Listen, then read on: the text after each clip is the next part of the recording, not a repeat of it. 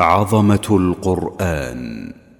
الحلقة السابعة والعشرون فضائل المعوذتين. بسم الله الرحمن الرحيم. الحمد لله رب العالمين والصلاة والسلام الأتمان الأكملان على رسول الله وعلى آله وأصحابه ومن اهتدى بهداه.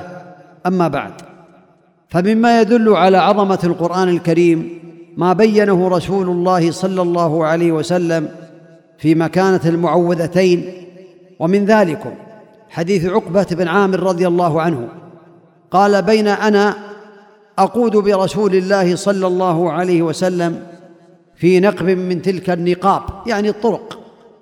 إذ قال لي يا عقب ألا تركب؟ قال فأجللت رسول الله صلى الله عليه وسلم أن أركب مركبة. ثم قال يا عقب ألا تركب؟ قال فأشفقت أن تكون معصية. فقال فنزل رسول الله صلى الله عليه وسلم وركبت هنية يعني قليلا. ثم ركب ثم قال يا عقب ألا أعلمك سورتين من خير سورتين؟ قرأ بهما الناس. قال قلت بلى يا رسول الله. قال فأقرأني قل أعوذ برب الفلق وقل أعوذ برب الناس. ثم أقيمت الصلاة فتقدم رسول الله صلى الله عليه وسلم فقرأ بهما. ثم مر بي قال كيف رأيت يا عقب؟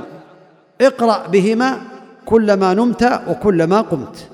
والحديث أخرجه أحمد في المسند والنسائي وعن ابن عابس الجهني وهو عقبة بن عامر أن رسول الله صلى الله عليه وسلم قال له يا ابن عابس ألا أخبرك بأفضل ما تعوذ به المتعوذون؟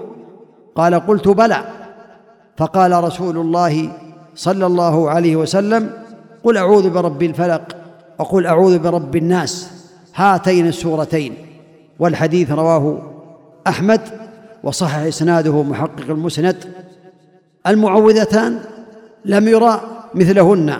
لحديث عقبة بن عامر قال قال رسول الله صلى الله عليه وسلم ألم تر آيات أنزلت الليلة؟ لم يرى مثلهن قط. قال قل أعوذ برب الفلق. قل أعوذ برب الفلق وقل أعوذ برب الناس. رواه مسلم. وكان النبي صلى الله عليه وسلم يتعوذ بهن لحديث أبي سعيد قال كان رسول الله صلى الله عليه وسلم يتعوذ من الجان وعين الإنسان حتى نزلت المعوذتان فلما نزلتا أخذ بهما وترك ما سواهما. رواه الترمذي والنسائي وابن ماجه وصححه الألباني رحمه الله تعالى. ما تعوذ متعوذ بمثلهما.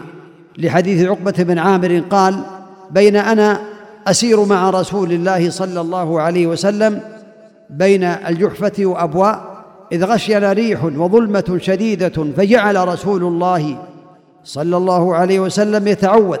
قل أعوذ برب الفلق وقل أعوذ برب الناس.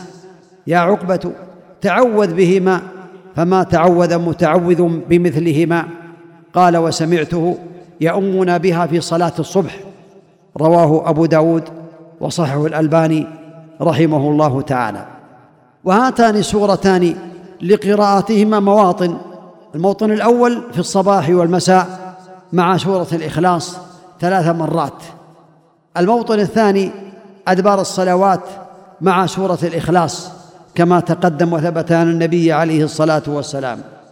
الموطن الثالث عند النوم مع سورة الإخلاص مع النفث والمسح على الجسد ثلاث مرات كما كان النبي عليه الصلاة والسلام يفعل ذلك. والله تعالى أسأل أن يجعلني وإياكم من أهل القرآن الذين هم أهل الله وخاصته وأن ينفعنا بما سمعنا وأن يجعل هذا العمل كله خالصا لوجهه الكريم إنه ولي ذلك والقادر عليه.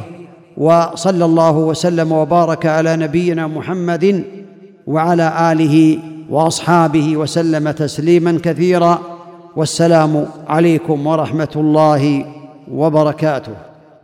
جزى الله الشيخ خير الجزاء وجعله في ميزان حسناته. والسلام عليكم ورحمة الله وبركاته.